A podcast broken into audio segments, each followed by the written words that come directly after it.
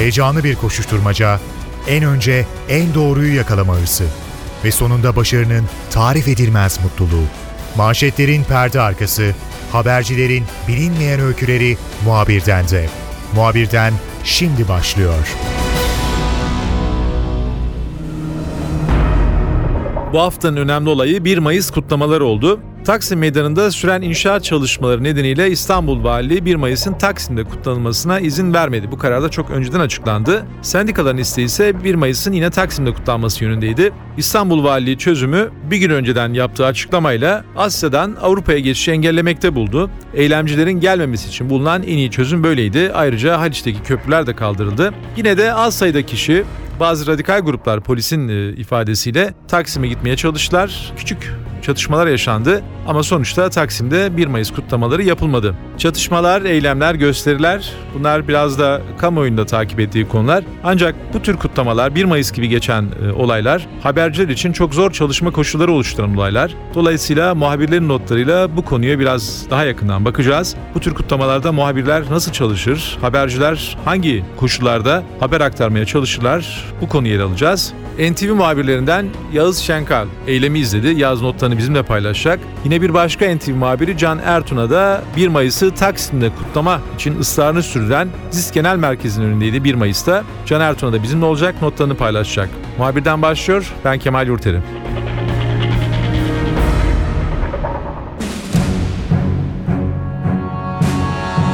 İstanbul Valinin aldığı karar sonrasında 1 Mayıs Taksim'de kutlanmadı. Büyük olaylar olmasa bile yine bazı istenmeyen görüntüler televizyon ekranlarına yansıdı.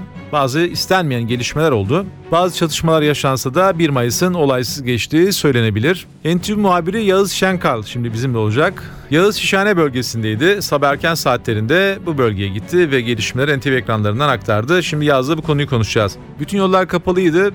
Tabii vatandaşlar gitmesin işte eyleme katılacaklar gitmesin diye ama bu engellemeler muhtemelen gazeteciler için de sorun yarattı. Nasıl ulaşabildin haber noktasına? Zor oldu mu? Polisler geçişlerde yardımcı oldular mı mesela? Polisler nazik kibardı bize karşı. O yönden bir sıkıntı yoktu belki ama her yere yürüyerek gitmek zorunda kaldık. Misal ben sabah 8'de canlı yayınım var. Gittim saat 7 çeyrekte Unkapanı Köprüsü'nün başına kadar geldik. Yol açık nasıl olsa resmi tatil ama ondan sonra polislerle başladı bizim artık tartışma mı diyelim münakaşalarımız mı, müzakerelerimiz mi? Yok hayır bizi salmıyorlar. E ne yapacağız? Yapacak tek şey var yürümek. Ben başladım Unkapanı Köprüsü'ne itibaren. Benim canlı yayın noktam Şişhane'deydi. Yürü babam yürü. Ama ben yine şanslıyım. Yaklaşık 20-25 dakikalık bir yürüyüşten sonra 1,5-2 kilometrelik mesafeyi yokuş olması beni zorladı. Şişhane'ye vardım. Şimdi ben şanslıyım. Niye şanslıyım? Çünkü ben o köprüden yürüyerek geçtim. Ben geçtikten sonra bir dedikodu başladı ilk başta. Unkapanı köprü, köprüsünü ayıracaklarmış. De. Yok ben inanmadım böyle bir şey. Yok ya ancak gemi geçerken oluyor öyle bir şey oluyor. Ya böyle gazeteci arkadaşlar böyle kendi aralarında konuşuyorlar. Yok bana polis dedi. Yok şu derken Unkapanı köprüsü ayrıldı haberi geldi. Ben 8 yayını yapmıştım. Hemen koştura koştura aşağı indim. Ya inanmıyorum çünkü yani böyle bir şeyin olacağı hiç aklımın ucundan geçmiyor. Bir baktım hakikaten köprüyü ayırmışlar Atatürk Köprüsü'nün kapanı köprüsünü. Yan tarafa koymuşlar. E dediler sonra Galata Köprüsü de ayrıldı. Hadi canım bir de ona bakalım. Galata Köprüsü'nde görüntü daha enteresan çünkü Unkapanı Köprüsü'nde köprü yana doğru ayrılıyor. Yani köprünün açılan parçası bizim tarafımıza Beyoğlu tarafına doğru gelmişti. Galata'da öyle değil dikine kalkıyor. Çok komik bir görüntü vardı. Ben yürüye yürüye gittim yayına ama eylemciler yürüye yürüye gelemediler. Çünkü Galata Köprüsü'nün daha sonra görüntüsünü çekmeye gittiğimizde bir baktım Galata Köprüsü'nün üzerinde bir grup var. Ellerinde bayraklar, slogan atıyorlar. Aramız böyle bir buçuk iki kilometre. Ben ta öbür taraftayım ama seslerini duyuyorum adamların sloganlarını. Orada çok komik bir manzara olmuş. Galata Köprüsü'nün ayakları kalkmış. Göstericiler orada benim anlamadığım o göstericilere de müdahale ettiler. Yani niye müdahale ettiler Eminönü tarafındaki göstericilere ben onu anlayamadım. Polis ve emniyet valilik bir gün önceden e, güzergahları yani kapalı güzergahları açıkladı. Ama bu e, köprülerin e, kapanması demeyelim de köprülerin ayrılması, geçişe tamamen kapatılması herhalde sabahın sürprizi oldu işte. Onlardan e, anlattıklarından da bunu anlıyorum. Kimse beklemiyordu böyle bir şeyi. Daha sonra 40 yıl önce olmuş bundan. 40 yıl önce yaşanmış böyle bir şey. 40 yıldır böyle bir şey yaşanmıyormuş. Yani gerçekten çok etkili bir önlem oldu ama İstanbullular dün çok çektiler ya. Dün o kadar röportaj yaptık. Ya, iyi bir şey söyleyen adama denk gelmedim bu önlemlerden dolayı. Tabii polislerin aldığı önlem bir de şeyi gösterdi. Yani İstanbul aslında istenirse ikiye ayrılabiliyor. Yani Asya ve Avrupa'yı tamamen birbirinden koparabiliyorsunuz. İşte deniz ulaşımını kapattığınız zaman, köprüleri kapattığınız zaman e, bunu da görmüş olduk. İşte 40 yıl önce sanıyorum benzer bir şey E, yaşanmış. daha komik bir şey söyleyeyim. Şimdi orada tekneler çalışıyordu. İşte Eminönü tarafından buraya. E, Polis onları da durduruyor bakıyor. Kimlik kontrolü yapıyormuş. Gösterici var mı yok mu onları ayıklıyormuş. Ya ilginç bir deneyimdi benim için. Ki ben çok uzun senelerden beri 1 Mayıs takip ediyorum. Yani İstanbul'da eğer muhabirseniz ben 17 yıldır muhabirlik yapıyorum.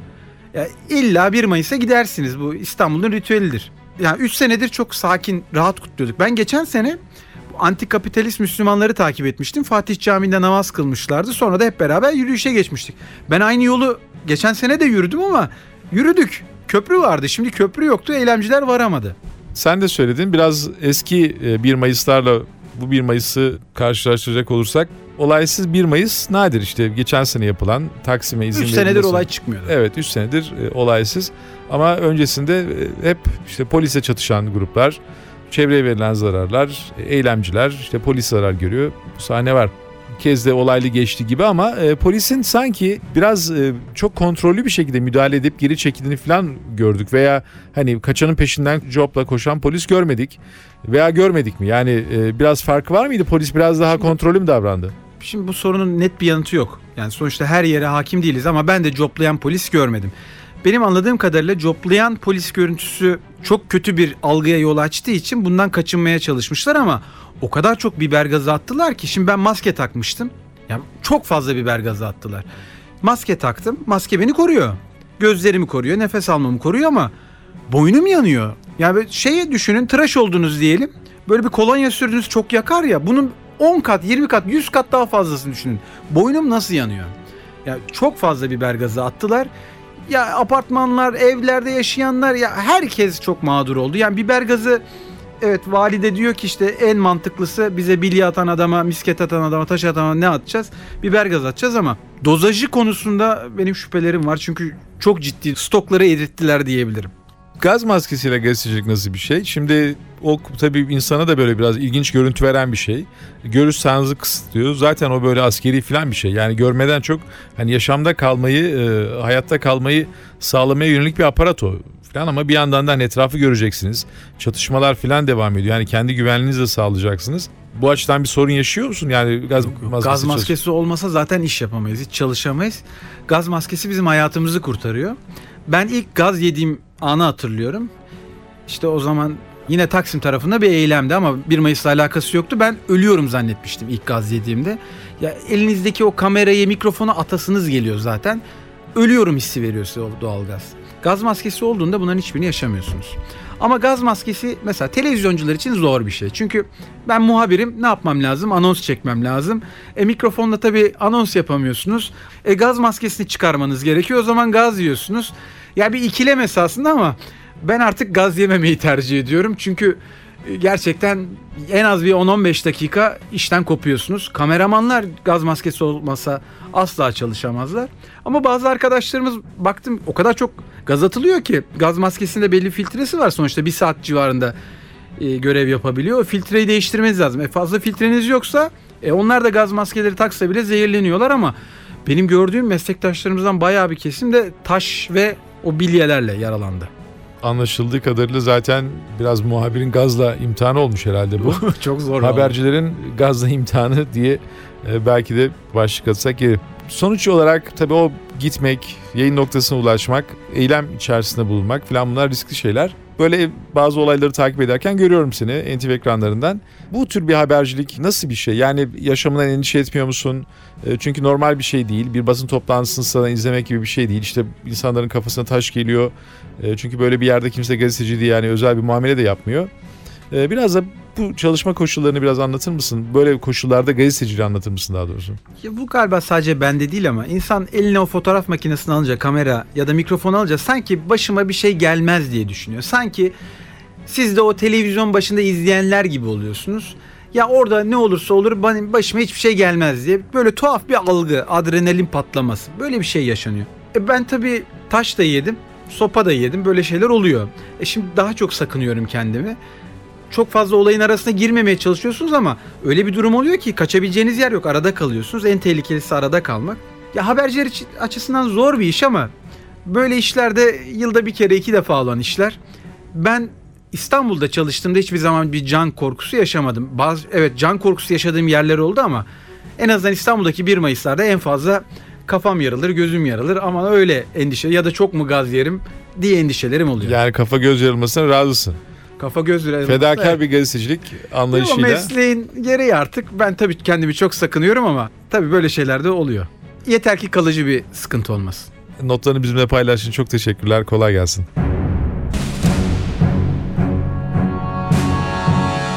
Yazın notları böyleydi. Şimdi NTV muhabiri Can Ertunay'la konuşacağız. Can da 1 Mayıs'ta diskin önündeydi ve Şişli bölgesini takip etti. Oradaki gelişmeleri takip etti. Can disk tabii bu eylemde e, gösteride öne çıkan isim oldu. Diğer sendikaların çok daha yumuşak davrandığını görüyoruz. Hak çelenk bıraktı, Taksim'e geldi. Disk genel merkezindeydi bütün gözler. Sen de oradaydın. Birden bir müdahale oldu orada. Bir sert bir müdahale oldu. Yani belki gitmeyecektik dediler. Kimisi işte daha yeni toplanmaya başladık falan dediler. Önce oradan başlayalım istersen. Hani polisin oraya çok hızlı bir şekilde müdahale etmesinin bir gerekçesi var mıydı veya ne oldu orada olayın başlangıcında? Açıkçası biz de tam o sırada müdahale gerçekleştiği sırada canlı yayındaydık. Canlı yayında aktarıyorduk.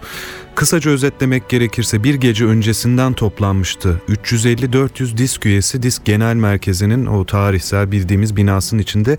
Bunun da sebebi ulaşım kısıtlamalarından haberdarlardı. Korteje katılamama riskine karşı bir gece öncesinden 350-400 işçi o binanın içinde sabahladı. Sabah 6.30 sularında ben oraya gittiğimde binanın önünde halaylar çekilmeye başlanmıştı. Yürüyüş kolları oluşturuluyordu. Pankartlar sokağa açılıyordu ve daha sonra belirtilen saatte yani saat 9'da yürüyüşe geçeceğiz demişlerdi günler öncesinden Taksim'e doğru. Ve Halaskar Gazi Caddesi'ne çıktılar. Saat 9 sularında yürüyüş başlayacaktı ancak sen de bilirsin bir an önce o kadar geniş bir kalabalığı organize etmek mümkün olmuyor. Biz 9'u 10 geçe yayına başladığımızda hala disk korteji Hala- Halaskar Gazi Caddesi'nde yürüyüş için beklemekteydi. Sonra kafamızı çevirip baktığımızda ki biz polis barikatının hemen yanında duruyorduk.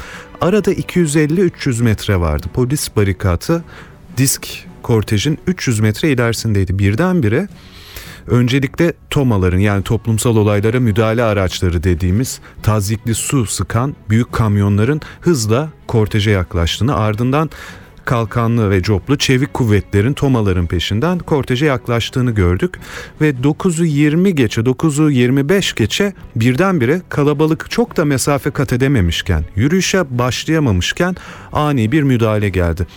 Ciddi bir kalabalıktan bahsediyoruz aslında. Disk korteje ki e, Devrimci İşçi Sendikaları Konfederasyonu'na bağlı çok sayıda sendika var. Ee, Birkaç bin kişi onlarda vardı. Aynı zamanda disk kortejine katılan bireysel tercih olarak katılan az sayıda vatandaş vardı. Bazı sol partilerin mecliste temsil bulmayan üyeleri vardı.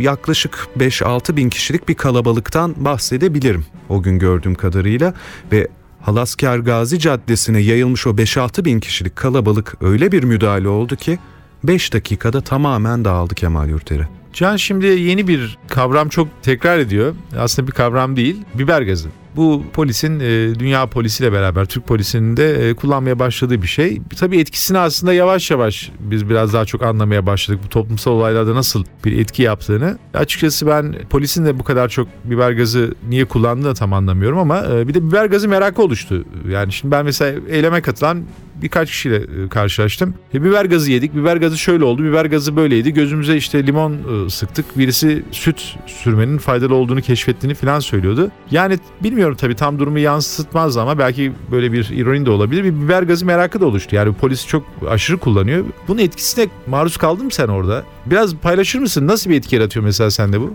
Elbette canlı yayında maruz kaldım. Ee, belki de şanssızlığım şuydu. Gazın atılacağı belliydi. Günler öncesinden neredeyse belliydi. Polisin korteje yaklaşmasından o korteji ne pahasına olursa olsun su ve gazla dağıtacakları da belliydi. Dolayısıyla tüm canlı yayın kameramanı arkadaşlarımız, keza müdahaleyi yapan polisler gaz maskeleri içindeydi. Ancak biz canlı yayında olduğumuz için ben maskeyi takamadım. Bir avantaj e, daha önce biber gazına veya çeşitli göz yaşartıcı gazlara yurt içinde ve yurt dışında maruz kalmıştım. Aşağı yukarı etkilerini görebiliyordum. Mümkün mertebe canlı yayını da toparlamaya çalıştım. Çünkü Halaskar Gazi Caddesi o sırada bir boğaz gibiydi ve rüzgarla birlikte o büyük kalabalığı dağıtan yoğun gaz üstümüze gelmeye başladı.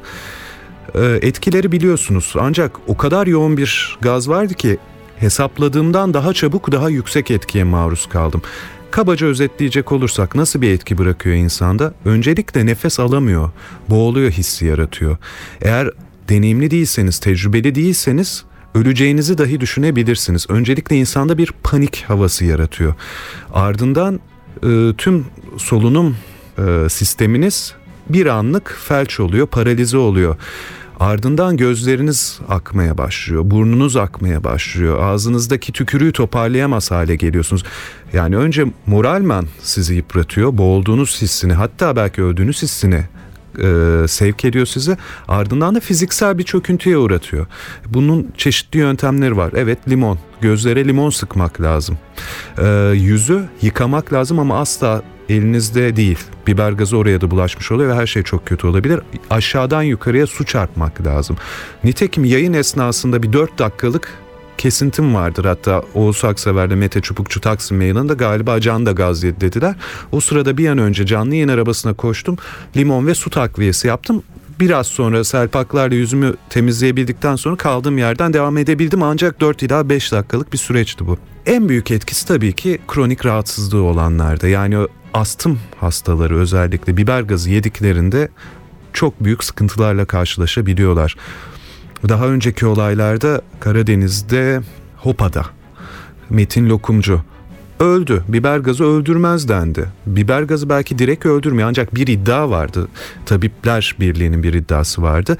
Biber gazının yarattığı boğulma hissi özellikle astım hastasıysa tamam ben ölüyorum şeklinde o yoğun his kalp krizine neden olabiliyor. Kalp rahatsızlığı varsa böyle yan etkileri olabiliyor. Çok sayıda ambulansın kalabalığın içine girip çıkma sebebi de buydu başka kameraman arkadaşlarımızın yine kurumdan NTV kameramanı Cumhur Çatkaya'nın görüntülerini, ham görüntülerini incelediğimde bir astım hastasını zar zor cebinden astım ilacını çıkartıp ona ulaşmaya çalışırken gördüm. Bir takım kronik rahatsızlığı olanlarda astım, kalp hastalıklarında bu biber gazı müdahalesi çok ciddi noktalara acil doktor müdahalesi noktasına kadar götürebiliyor insanı. Hatta belki kesin kanıtlanamamakla beraber can kayıplarına yol açtığı bile iddia edilmekte. Ancak herkese yol açtığı etki, ortak etki 5 ila 10 dakika arasında paralize ediyor karşı tarafı. Daha önce de 1 Mayıs kutlamalarını izlediğini biliyorum. Daha öncekilerle kıyasladığın zaman farklılıkları nedir sence? Çünkü hem İstanbul Valisi'nin hem de e, emniyetin yaptığı açıklamalarda bir konuya dikkat ettiklerini biz anlıyoruz. Herhalde o görüntü pek yaşanmadı. Yani bir takım müdahaleler oldu. E, yine çatışanlar e, işte su sıkılması, biber gazı, gaz bombası vesaire. Düşenlere polisin vurmadığını vurgulama ihtiyacı hissetti İstanbul Valiliği. Yani çok da e, bir dayak görüntüsü görmedik. Daha önceki yıllara göre tabii hiç yaşanmaması, bundan hiç olmaması mutlaka daha iyi.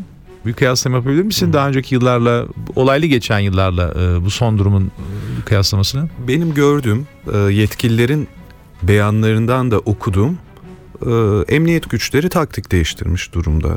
Polisle göstericilerin fiziksel olarak çatışmasını öngörmüyorlar. Bunun yerine ama çok yoğun bir gaz kullanımı var.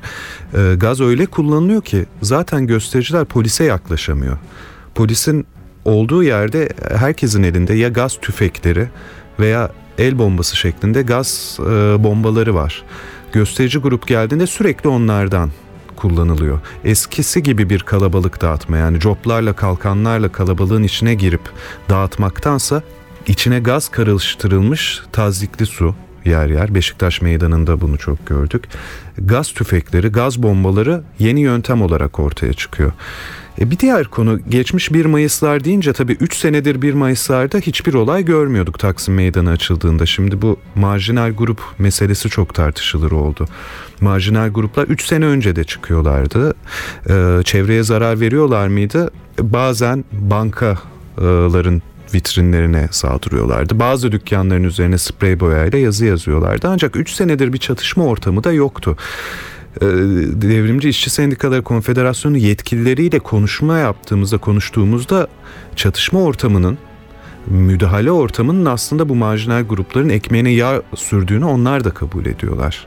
3 seneki o e, bayram havasındaki 1 Mayıslar bir kenarda duruyor. Yeniden 2000'li yılların ortasına kadar 90'lı yıllardan 2000'li yılların ortasına kadar ki çatışmalı o 1 Mayıs görüntülerini yeniden görmeye başladık. İşçiler dağılıyor. Disk binasına çekiliyorlar. Çatışmaya katılanlar valinin marjinal grup adını taktığı yüzü maskeli e, daha çok varoşlardan gelen ve büyük kortejlere eklemlenerek sesini duyurmaya çalışan o gün sokaktaki varlığını yegane ses duyurma aracı olarak gören küçük gruplar. Meydan biraz da onlarla polise kalıyor. Ancak geçtiğimiz 3 senede Taksim Meydanı herkese açıkken ve sendikalar kalabalık üzerinde belli bir disiplin ve örgütlenme yapısına sakinken böyle olayları bu boyutta görmüyorduk. Can notlarını bizimle paylaşın. Teşekkürler. Kolay gelsin.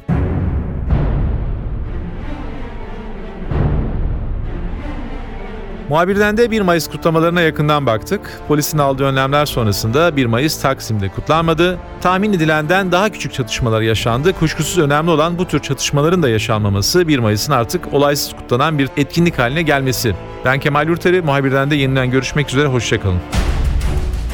Haberi değil de haberin hikayesi için şimdi onlara kulak verme zamanı. Muhabirden NTV Radyo'da.